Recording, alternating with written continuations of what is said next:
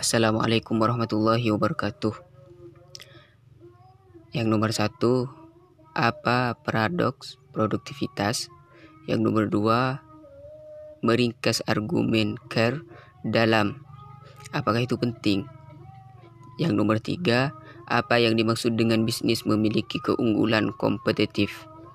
Empat, apa aktivitas utama dan aktivitas pendukung dalam rantai nilai. Yang kelima, bagaimana cara kerja EDI? Jawaban yang nomor satu, paradoks produktivitas adalah suatu fenomena ketidakseimbangan antara besar investasi yang dikeluarkan dengan peningkatan output produk atau layanan secara signifikan Pendapat ahli tentang paradoks produktivitas Robert Slow 1987 menyatakan bahwa Anda dapat melihat komputer di mana-mana kecuali dalam statistik produktivitas.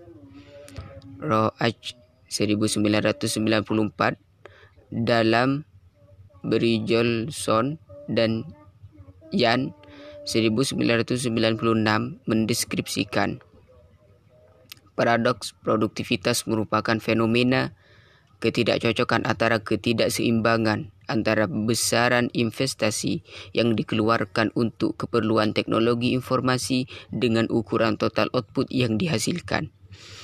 Istilah paradoks produktivitas pertama kali dikemukakan oleh Stephen Roach dalam penelitian yang dalam penelitian yang berjudul America's Technology Dilemma. A Profile of the Informasi Ekonomi yang dipublikan yang dipublikan pada tanggal 22 April 1987. 2. Nicholas G. Carr lahir 1959 adalah seorang penulis Amerika yang telah menerbitkan buku dan artikel tentang teknologi, bisnis dan budaya. Nicholas Carr awalnya terkenal sebagai terkenal dengan artikel Harvard Business Review 2003 IT Meter Meter dan buku 2004 Does It Matter? Teknologi Informasi dan Korusi Keunggulan Kompetitif Harvard Business School Press Dalam karya yang dibahas ini ialah ia berpendapat bahwa kepentingan strategis teknologi informasi dalam bisnis telah berkurang karena TI telah menjadi lebih umum terstandarisasi dan lebih murah. Ide-ide menguncang industri teknologi informasi.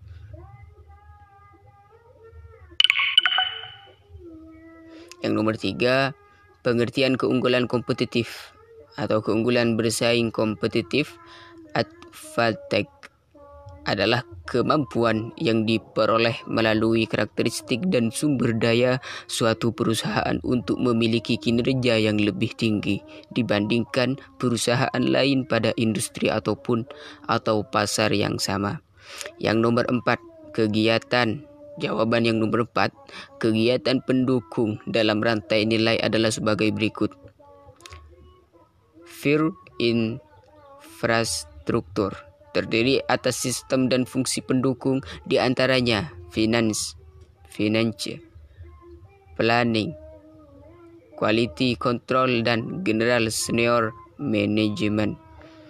Humas research management berhubungan dengan aktivitas recruitment, pengembangan, pelatihan, memotivasi serta memberikan pengharapan penghargaan kepada tenaga kerja.